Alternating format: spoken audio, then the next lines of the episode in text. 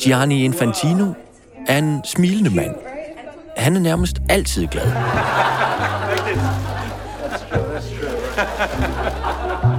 Og de fleste ting, der er sket i hans tid som FIFA-præsident, er simpelthen noget af det bedste, man kan forestille sig.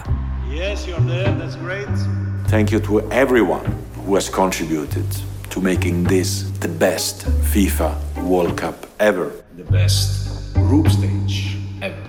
This fantastic, incredible, unbelievable World Cup. It is the best World Cup ever. Uh, what, what did you tell me, Hassan? I should say it's the greatest project I've ever seen.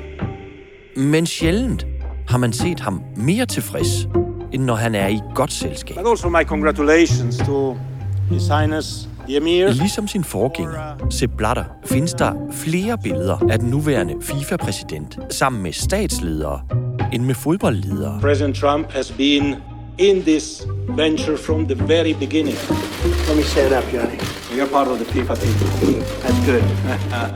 Og internettet nærmest svømmer over med fotografier af Infantino, flankeret af folk som Donald Trump, Katars emir, Ruslands diktator Vladimir Putin. Jeg vil ikke godt kalde ham diktator. Jo, jo, jo, jo, jo. Det har vi gjort i lederen i dag, så kan vi også gøre det her. And thank you, most importantly as well, President Putin. We did a good job together. Og Saudi-Arabiens kronprins Mohammed bin Salman ser ud til at kunne gøre Infantino i ekstra godt humør. The picture that will resonate and we might be talking about in a few years is him being sat next to the crown prince of Saudi Arabia. Men det er ikke alle, der deler Infantinos brede smil. For eksempel er der folk, som ikke synes, det er positivt, at FIFA opfører sig som en supermagt, eller et alternativ til FN, i stedet for en idrætsorganisation. Selvom det sidste måske heller ikke er lige så sexet. president of FIFA. He came out and he said there should be a ceasefire in Ukraine. They're saying, well, we shouldn't politicize football. FIFA politicizes football. Der er også flere, som har svært ved at se det gavnlige, end sige charmerende, ved Infantinos meget autokratiske, antidemokratiske, for ikke at sige diktatoriske omgangskreds. Gianni Infantino accepted a medal from uh, Vladimir Putin after hosting the last World Cup. Yeah. Yeah, he got a medal and he called it the best World Cup ever. Sorry, I'm, I'm sorry. I'm actually in genuine disbelief here. Og det kan godt gøre den ellers så glade mand lidt træt. You want to criticize someone? Come to me. For det handler jo om fodbold, Criticize me. Here I am. You can crucify me. ikke politik. But let the people enjoy this World Cup. Og desuden er han i hvert fald ikke en diktator. But obviously, I'm not a dictator. I'm speaking about me. I'm speaking about the new FIFA. It's not a dictatorship. Men er det nu også helt rigtigt?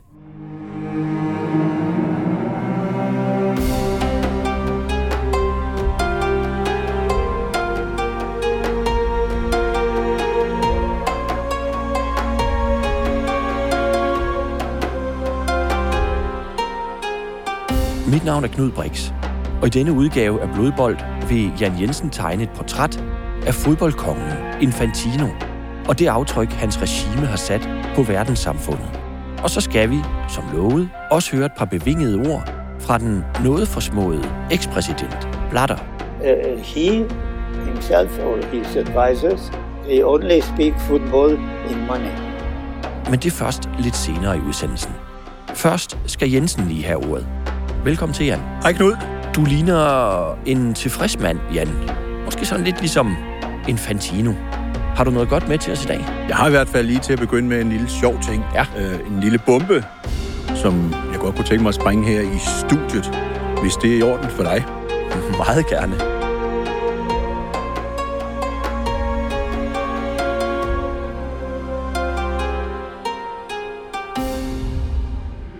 Lyt til resten af podcastserien eksklusivt med et ekstra blad Plus abonnement.